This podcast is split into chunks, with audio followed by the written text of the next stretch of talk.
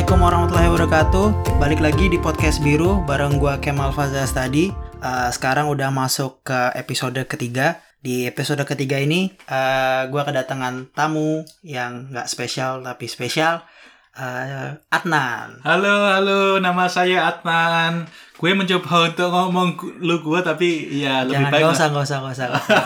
Medok, terlalu medok Ya, jadi Adnan ini uh, salah satu uh, apa yang mengajak untuk memulai podcast di Minimali Cuman nggak tahu sekarang Minimalinya gimana Oke, Eh, kita akan ya, kita ini. nanti aja. Nanti aja. Oke, jadi di eh, podcast keempat, podcast keempat, podcast ketiga episode ketiga ini eh, kita berdua eh, kebetulan kita berdua ini salah satu eh, kayak punya hobi yang sama yaitu Aviation enthusiast. aviation enthusiast atau kita sangat eh, menikmati eh, apa mengikuti dunia penerbangan, khususnya penerbangan komersial. Nah, apalagi di akhir-akhir ini beberapa hari yang lalu terjadi kecelakaan eh, 737 Max 8 yang kedua kalinya setelah di bulan Oktober yang lalu ada kecelakaan yang sama yang eh, menimpa Lion Air jatuh di sekitar Laut Karawang. Nah, kebetulan yang kecelakaan ini eh, modelnya sama dan kita akan membahas eh, tentang eh, dimulai dari sejarah 737 itu sendiri sampai nanti eh, langkah-langkah apa yang harus diambil Boeing untuk menjaga reputasinya sebagai salah satu produsen pesawat komersial terbesar di dunia.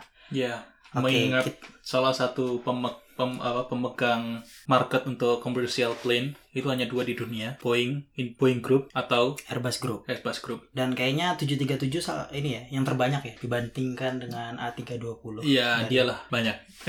Oke, kita mulai. Eh, gimana nih? Kita mulai dari sejarah Boeing 737 sendiri itu sendiri. Kalau nggak salah Boeing 737 ini adalah model yang cukup mature ya. Udah 50 tahun kalau nggak salah ya. Iya, iya, dia dia development 737 Heeh. dari awal sampai sekarang eh, project yang dimulai di dari tahun 60-an sampai sekarang di tahun 2019 dan modelnya hampir sama terus dan itu menurut menurut saya salah satu ya seri-seri pesawat yang paling sukses. Cuman ganti mesin ya kayaknya. Model mesin ya. Ya, ada beberapa facelift dan ada beberapa modifikasi yang dilakukan oleh Boeing. Tapi overall, dari major desainnya, blueprintnya itu hampir sama. Hmm, dia kayaknya adaptasi dari 727 juga ya. Eh iya, Karena kayak model moncong depan. kalau kita melihat dari model eh, dari hidungnya, Heeh. itu malah menurut saya mulai dari 707. Oh, oke.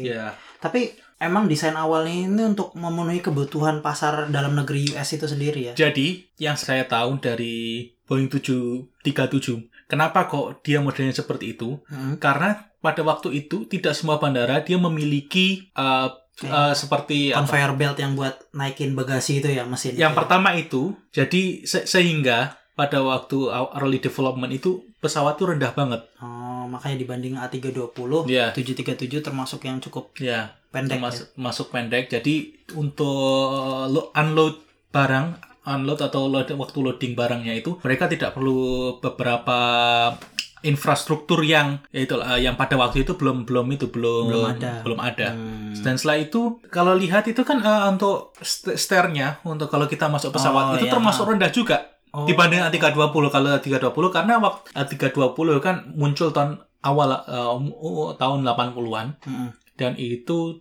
jadi infrastruktur sudah termasuk maju waktu itu Oh, dibandingkan dengan 737 itu tahun berapa sih? 60-an. 60-an. Eh, 60 70. 60 60 jadi early developmentnya itu start nah start awal tahun 60-an Terus masuk pasar 70-an. La- 60 juga 60 oh, cepet juga ya. termasuk cepat juga Oh.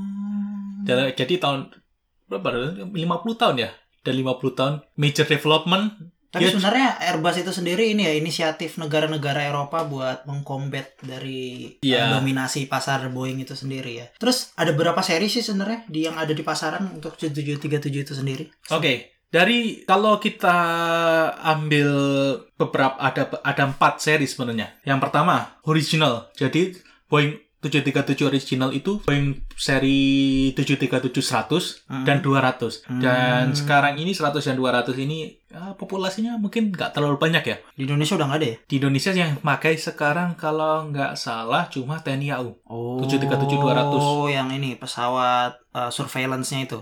Ya, Bisa jadi mungkin ya. Oh. Iya.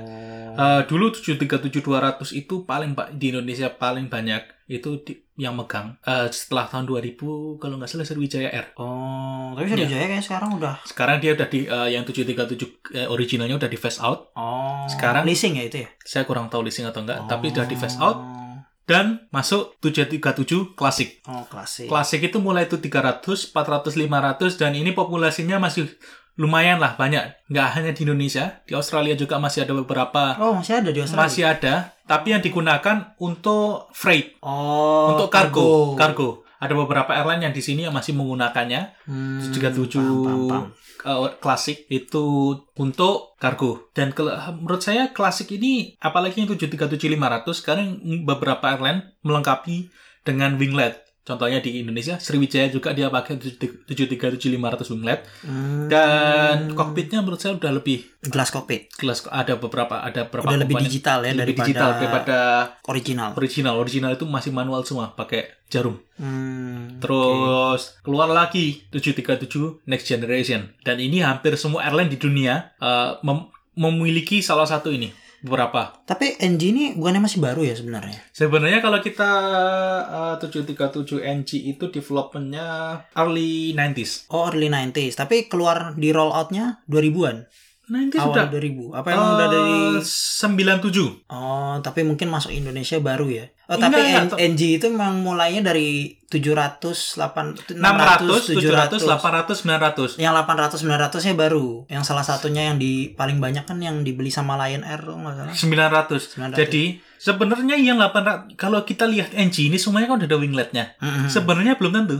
Oh. Jadi ada ada early dev, early 737 800 apalagi yang seri sekarang Garuda PKGE. Hah? GE itu dulu awalnya itu dia dari Ryanair. Jadi Ryanair beli waktu itu dia belum ada wingletnya. Setelah tahun 2005 itu dilengkapi winglet setelah di um, Berarti di facelift ya? Kalau bahasa mobilnya kayak di facelift gitu ya? ya dimodifikasi ya. Jadi Oh. Di itu setelah Ryanair beli eh, keluar dipegang oleh Garuda dan sekarang hampir semua yang 737 NG sekarang udah dilengkapi winglet. Eh, terus yang terakhir ini yang paling baru Max. Max. Ini baru ya? Max itu Sekitar tahun, tahun 2017-an. 2017-an. Kayaknya populasinya juga belum banyak ya. Iya. Jadi 737 Max ini Baru 300-an kan? saya kurang tahu berapa. Cuma yang setahu saya 737 Max ini dia keluar itu untuk mengkompet A320 Neo. Oh, tapi Neo juga Neo emang sudah roll out Sudah. roll out market yang masif. Bukannya duluan Max ya daripada Neo. Neo keluar 7 eh, 2016 Hmm. dan dia first flight-nya 2014. Tapi maksudnya emang belum umum dipakai di airline-airline Ya, kan? ya. Eh, sebenarnya kalau kita ngomong Neo, secara ini ya, secara eh, secara garis besar untuk modelnya itu kita nggak bisa bedakan tuh 30 A320 biasa sama Neo. Paling ini aja kokpit depannya aja. Iya, terus kalau yang biasa, apalagi yang baru-baru ini kan ada wingletnya, Mm-mm. ya kan hampir ha- itu sih nggak beda. Jadi menurut saya 737 Max ini cukup itu eh, perbedaannya cukup besar. Apalagi kalau kita bisa untuk membedakan 737 NG dengan Max itu paling gampang itu hanya dari wingletnya. Hmm, Wingletnya kalau- paham, paham, paham.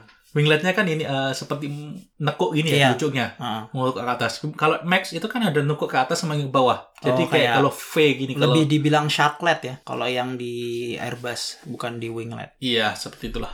Hmm. Nah terus untuk Max ini sendiri kira perbedaan utamanya apa daripada NG? Max perbedaan utamanya itu Kapasitasnya sama nggak? kapasitasnya lebih besar. Kurang lebih apa? Lebih besar? Ya, ada eh, apalagi yang Max 9. Oh Max 9 kan sama aja kayak 737-900 kayak di stretch lebih panjang lagi. Tapi yang kalau dari appearance-nya, Hmm. saya kurang tahu dari se- segi capacity. Heeh. Cuma dari appearance-nya paling yang paling beda adalah eh, mesinnya. Oh, Mesinnya dan paham. teknologinya yang sekarang dipasarkan Mm-mm. itu lebih advance lah. Hmm. Namun, Hmm. Yang, di, yang dikabarkan dari 737 Max 8 yang crash Heeh, yang Di Oktober kemarin, Oktober yang Lion. kemarin. Heeh.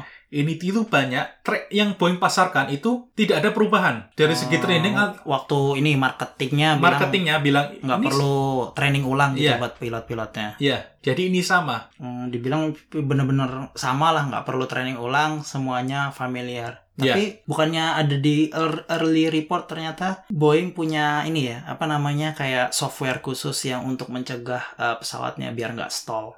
ya ya itu itu itulah yang menjadikan kenapa kok pilot nggak bisa mengkontrol pesawat karena itu ya, pada waktu itu karena Mungkin karena nggak tahu Karena kali nggak ya. tahu. Di model sebelumnya nggak ada ya Iya. uh, patch kayak gitu ya. iya belum belum ada karena ini kan eh, yang tadi kita bicarakan karena 733 737 Max ini kan modelnya lebih besar jadi antara software anti stall ini Oh untuk iya sih, yang saya dengar juga eh, mesinnya kan lebih besar untuk mengkompensate eh, jarak dan eh, efisiensi. oke Terus ya mungkin konsekuensinya center of gravity dari pesawatnya berubah kali ya. iya Dan mereka karena mau tetap menjaga commonality dari pes- model-modelnya itu akhirnya ditambahin software anti stall iya dan mungkin nggak disosialisasikan sehingga banyak pilot yang kurang Iya. paham akan masalah tersebut. Nah, kalau kita pikir-pikir kan ini sebuah model yang cukup lama ya. Jadi Iya. Boeing kayak nggak membuat sebuah R&D dari nol atau membuat benar-benar pesawat dari scratch. iya Kira-kira relevansinya gimana nih mengingat ya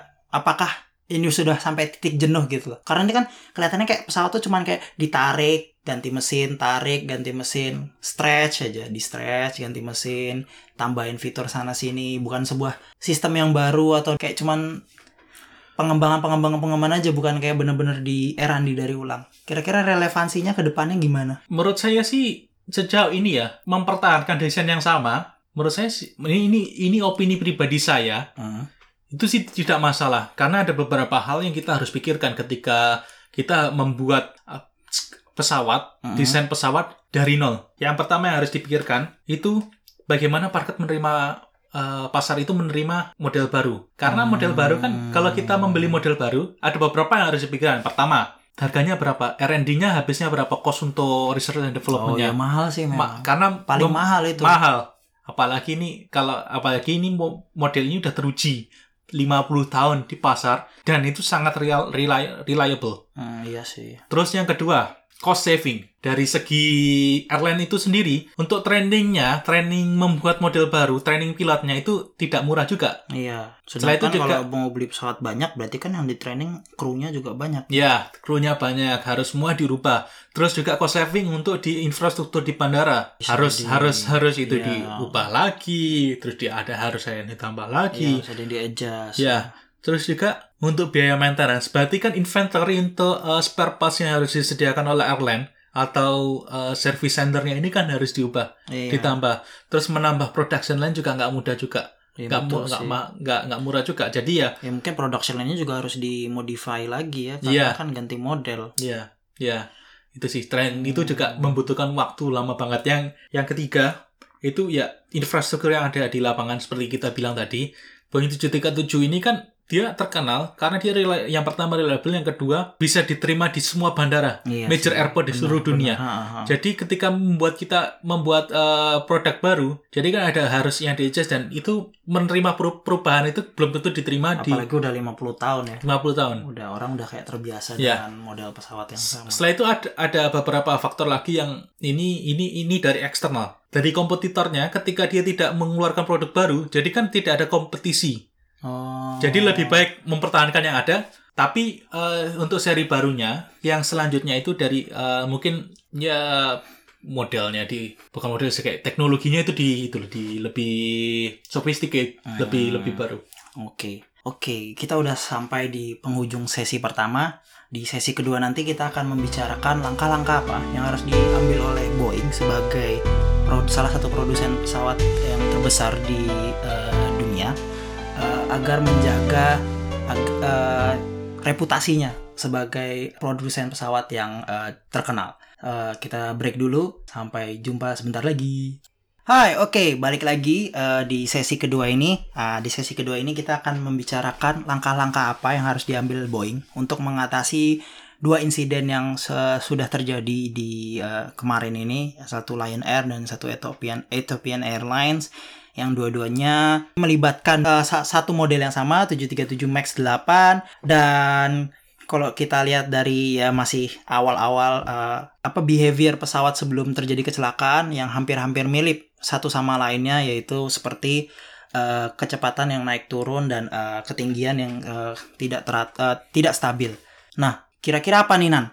Langkah-langkah yang harus diambil Boeing untuk setidaknya meyakinkan lagi para customernya bahwa 737 Max 8 ini safe to flight atau safe to be used. Eh, yang mungkin yang pertama ya, yang pertama harus dilakukan itu eh, yang dilakukan Boeing itu segera deliver patch anti-stall. Oh. Jadi ini yang yang kalau yang saya baca dari preliminary report yang Lion dari Air. Lion Air dari crash sebelumnya itu yang men- menjadikan masalah Ah. menjadikan masalah itu karena anti-stall yang yang baru ada di 737 Max ini Hmm, yang tadi kita bicarakan ya karena uh, pembes apa mesinnya lebih besar akhirnya. ya jadi ini kan gini jadi anti anti stall ini emang teknologi baru Mm-mm. yang baru dipasarkan oleh Boeing dan diaplikasikan di 737 Max 8 yang kemarin yang Kecelakaan. yang kecelakaan itu patch-nya ini belum keluar sampai sekarang.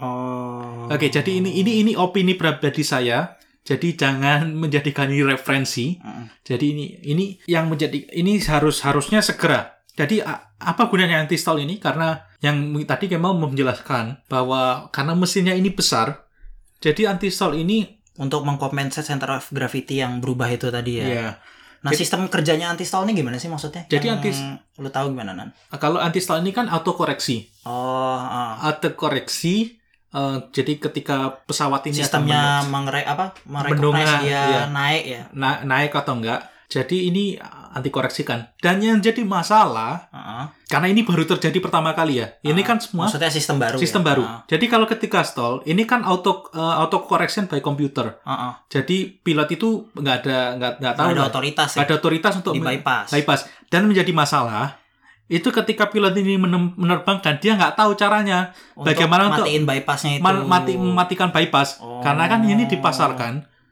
yang saya bi- uh, bicara tadi ini kan dipasarkan sama, sama. ada yang beda. gitu. Nggak ada yang beda. Ternyata ada anti stall ini Ah. dan ada salah satu fitur bypassnya yang pilot nggak tahu bahwa ya gimana cara mematikan Dan- auto correction. oke ini, ini yang terjadi di 737 Max 8 yang crash Lion Air. Lion Air preliminary Iya, pre- reportnya. preliminary report. Saya kurang tahu apa yang terjadi Ethiopian Airlines. PIN Airlines, tapi secara behavior, secara garis besar, para analisis mengungkapkan bahwa ini hampir sama. Cuma kita nggak tahu ya. Terus rencananya patch-nya tuh keluar kapan? Eh, Boeing kan udah merencanakan untuk meng ya me- merepair lah atau Iya. kasih update softwarenya kan eh, rumornya kemarin katanya April, Januari Jan- Januari, ah, Januari. Januari dulu Januari dulu. udah Februari ya sekarang diundur April April, April, Oh. dan mungkin ada kemungkinan lagi katanya diundur lagi Juli Juli. Wow. Jadi menurut saya ini Wah, kalau misalnya investigasi preliminary reportnya Ethiopian Airlines sama kayak Max, berarti ya pesawat ini bisa di grounded sampai Juli dong.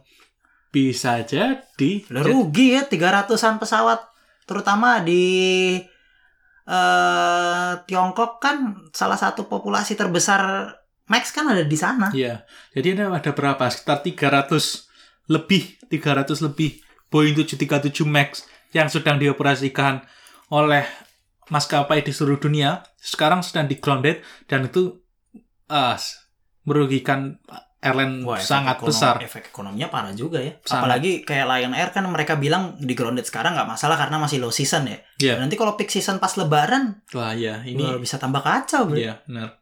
Oh bahaya juga ini sebenarnya. Iya, iya. Menurut saya lebih nggak nggak masalah ya di grounded di darat daripada nanti ada ada kemungkinan besar ada crash lagi di Oh iya, depannya. dipaksa terbang nyawa manusia ya. Iya. Ya itulah. Mending mending mending yang sekarang ini. Ini diselesaikan dulu daripada nanti ada masalah ini terjadi di ke depannya. Terus langkah-langkah lain apa harus diambil untuk menanggulangi apa jangka pendek ini untuk masalah kecelakaan crash? Menurut saya sih 737 Max produksinya di stop dulu sampai ini benar-benar selesai. Karena ini mengingat ini jarak antara kejadian satu dan kedua se- cukup itu Dekat cukup ya. dekat hanya enam Oktober. bul- enam bulan 6 bulan ya nggak jauh ya. nggak jauh sekali Dan jadi dengan behavior yang kelihatannya mirip-mirip ya. ya menurut saya ini nah ini Boeing selesaikan ini PR-nya dulu sampai nanti ini kalau udah di apa sih yang Sampai penyebabnya keluar investigasinya sampai yang jelas keluar ya. nah setelah itu terserah Boeing mau Baru. melakukan apa aja terserah tapi ini menurut saya ini udah PR disaster untuk Boeing Iya, karena bahkan sampai Amerika aja yang Presiden Trump nasionalisme kan maksudnya sangat memproteksi Boeing sebagai industri nasionalnya aja sampai memerintahkan untuk 78 737 di grounded di US berarti ya pub, maksudnya publik ketakutan. sebenarnya ada alasan kenapa kok di FAA Hmm. itu menggrounded ini eh 737 Max ya? di Amerika. Karena kan Amerika itu kan salah satu negara terakhir yang itu yang grounded itu. Iya. Sebelumnya Kanada. Se- Sebelumnya Kanada, Kanada dia punya wah ternyata ada ini faktor terbaru yang diambil dari satelit. Dari satelit si siapa saya kurang tahu itu. Terus FAA ternyata lihat oh iya ternyata ini langsung dia grounded. Sekarang udah Oh. 100% nggak ada yang terbang. Berarti udah nggak ada lagi Max yang terbang di Sudah nggak ada. Karena Wah. karena kan hampir semua ter- eh, itu kan eh, cerminnya kan dari FAA. Oh, Kalau iya. FAA ngomong no, ya pasti semua ngikut ya. ikut karena dia kan terus tertinggi. Iya. Apalagi apalagi ini Eva Boeing kan basisnya di Amerika, Amerika, ya iya. gitu.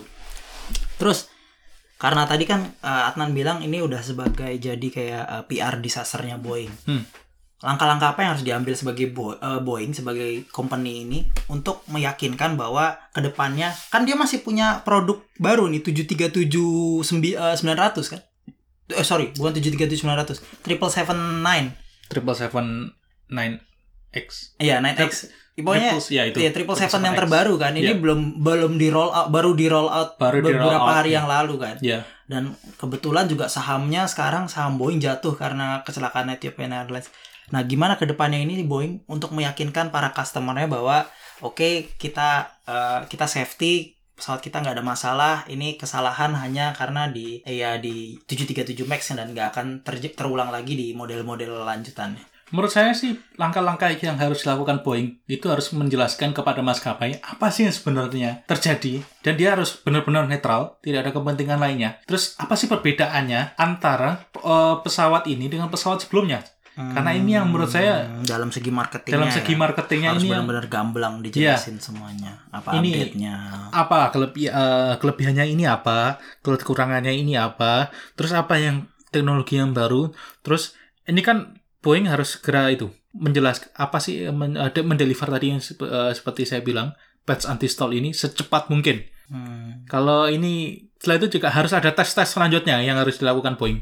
Iya sih betul Ya. betul tapi karena kalau ini bisa diambil momentumnya sama Airbus. Oh, Airbus roll bisa. out Neo orang pindah ke Neo karena kemarin aja rumornya juga Lion sempat mau menghentikan pembeliannya 737 Max kan? Karena Boeingnya kelihatannya kayak nggak mau tanggung jawab kayak lempar tanggung jawab menyalahkan Lion Air yang maintenance jelek. Padahal kayaknya maintenance eh, hall-nya Air Lion Air cukup bagus yang di Batam. Udah dapat sertifikat internasional juga Iya. kan? Ya ini ini gimana ya? Jadi kayak awalnya Boeing lempar apa eh, kayak lepas tangan terus sejak ada Ethiopian Airlines nih mereka kayak baru ambil langkah nyata gitu loh sebagai ini produsen. ini ini cukup tragis ya karena kedua-dua ini pesawat ini umurnya di bawah satu tahun Iya, yang Ethiopian Airlines ini Baru kan baru empat bulan. November kan? baru empat bulan empat bulan ya November. Lima bulan, Nah, iya. November lima bulanan. terus yang Lion Air itu malah Baru masih Enam- tahun yang enam sama Agustus.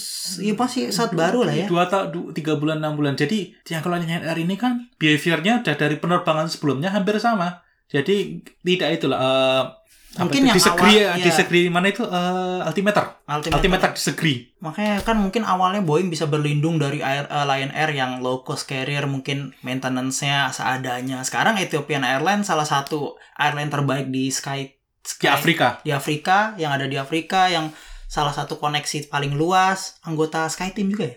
SkyTeam. SkyTeam juga yang eh, apa bintang 5 juga dan ternyata terjadi crash kan dia nggak mungkin berlindung di balik kata-kata maintenance kan? Ya jadi ini berarti memang memang pukulan besar untuk Boeing. Tapi Airbus jangan ini jangan keburu suka dulu. Oh iya. Kalau dia gagal lagi ya. Eh, karena Airbus A320 di awal-awalnya untuk auto landing itu benar-benar hancur loh pesawatnya. Sempat kecelakaan ya pas Sempat trial ya yang Air France. Ya, jadi menurut saya ini karena kalau kalau yang dari kenapa kok ini sebenarnya 737 di grounded yang Max? Ini kan karena ada sentimen dari masyarakat, wah saya takut oh, 737 oh iya Max. lebih lebih ke publik Lebih sih ke ya. publik, bukan dan- karena hasil investigasi Iya. Dan sekarang FAA karena hasil ini kan hasil data yang Iya, diperoleh, iya. jadi udah stop dulu, jangan diterbangan gitu. Dan waktu itu kalau A320 karena informasi tidak belum belum ter- tersebar lebih luas pada waktu itu. Hmm, Oke deh. Sekian diskusi yang cukup panjang nih. Kayaknya salah satu episode podcast biru yang paling panjang dari bersama tamu yang spesial. salah satu penggagas podcast di part di part enggak. Ya. ya, karena emang cuma kita berdua yang bikin podcast di sini. Perth ya yang berbahasa Indonesia. Ya, berbahasa Indonesia. Mungkin ya saya kurang tahu ya, mungkin ada lainnya. Namun yang saya tahu ya di lingkungan saya, di tempat tinggal saya kayaknya berdua kita, kita, kita aja. cuma tinggal di Bentley nggak kenal siapa. Iya. Oke deh, Eh, terima kasih Adnan. Semoga ke depannya bisa mampir-mampir lagi. Oh, siap. Ini juga mic-nya pinjem punya Adnan, jadi suaranya lebih bagus. Oke, thank you. Eh, kalau kalian ada pendengar ada saran-saran apa topik yang harus dibahas, bisa langsung email ke podcast.biru@gmail.com atau eh, langsung kontak ke sosial media saya. Sosial media gue di eh, Twitter at @kemfashas k e m f a z h a s. Buat Instagram juga sama. Nah, kalau buat Anat gimana nih Nan? Mau promosi sosial media juga nggak Nan? So, sosial media saya Twitter, Instagram, la- cabut aja, langsung aja. Nandalidaf, E N A N D A L I D A F. Wah, susah juga ya namanya ya. Nah, Oke deh. Uh, sekian. Uh, wassalamualaikum warahmatullahi wabarakatuh. And see you soon. Bye.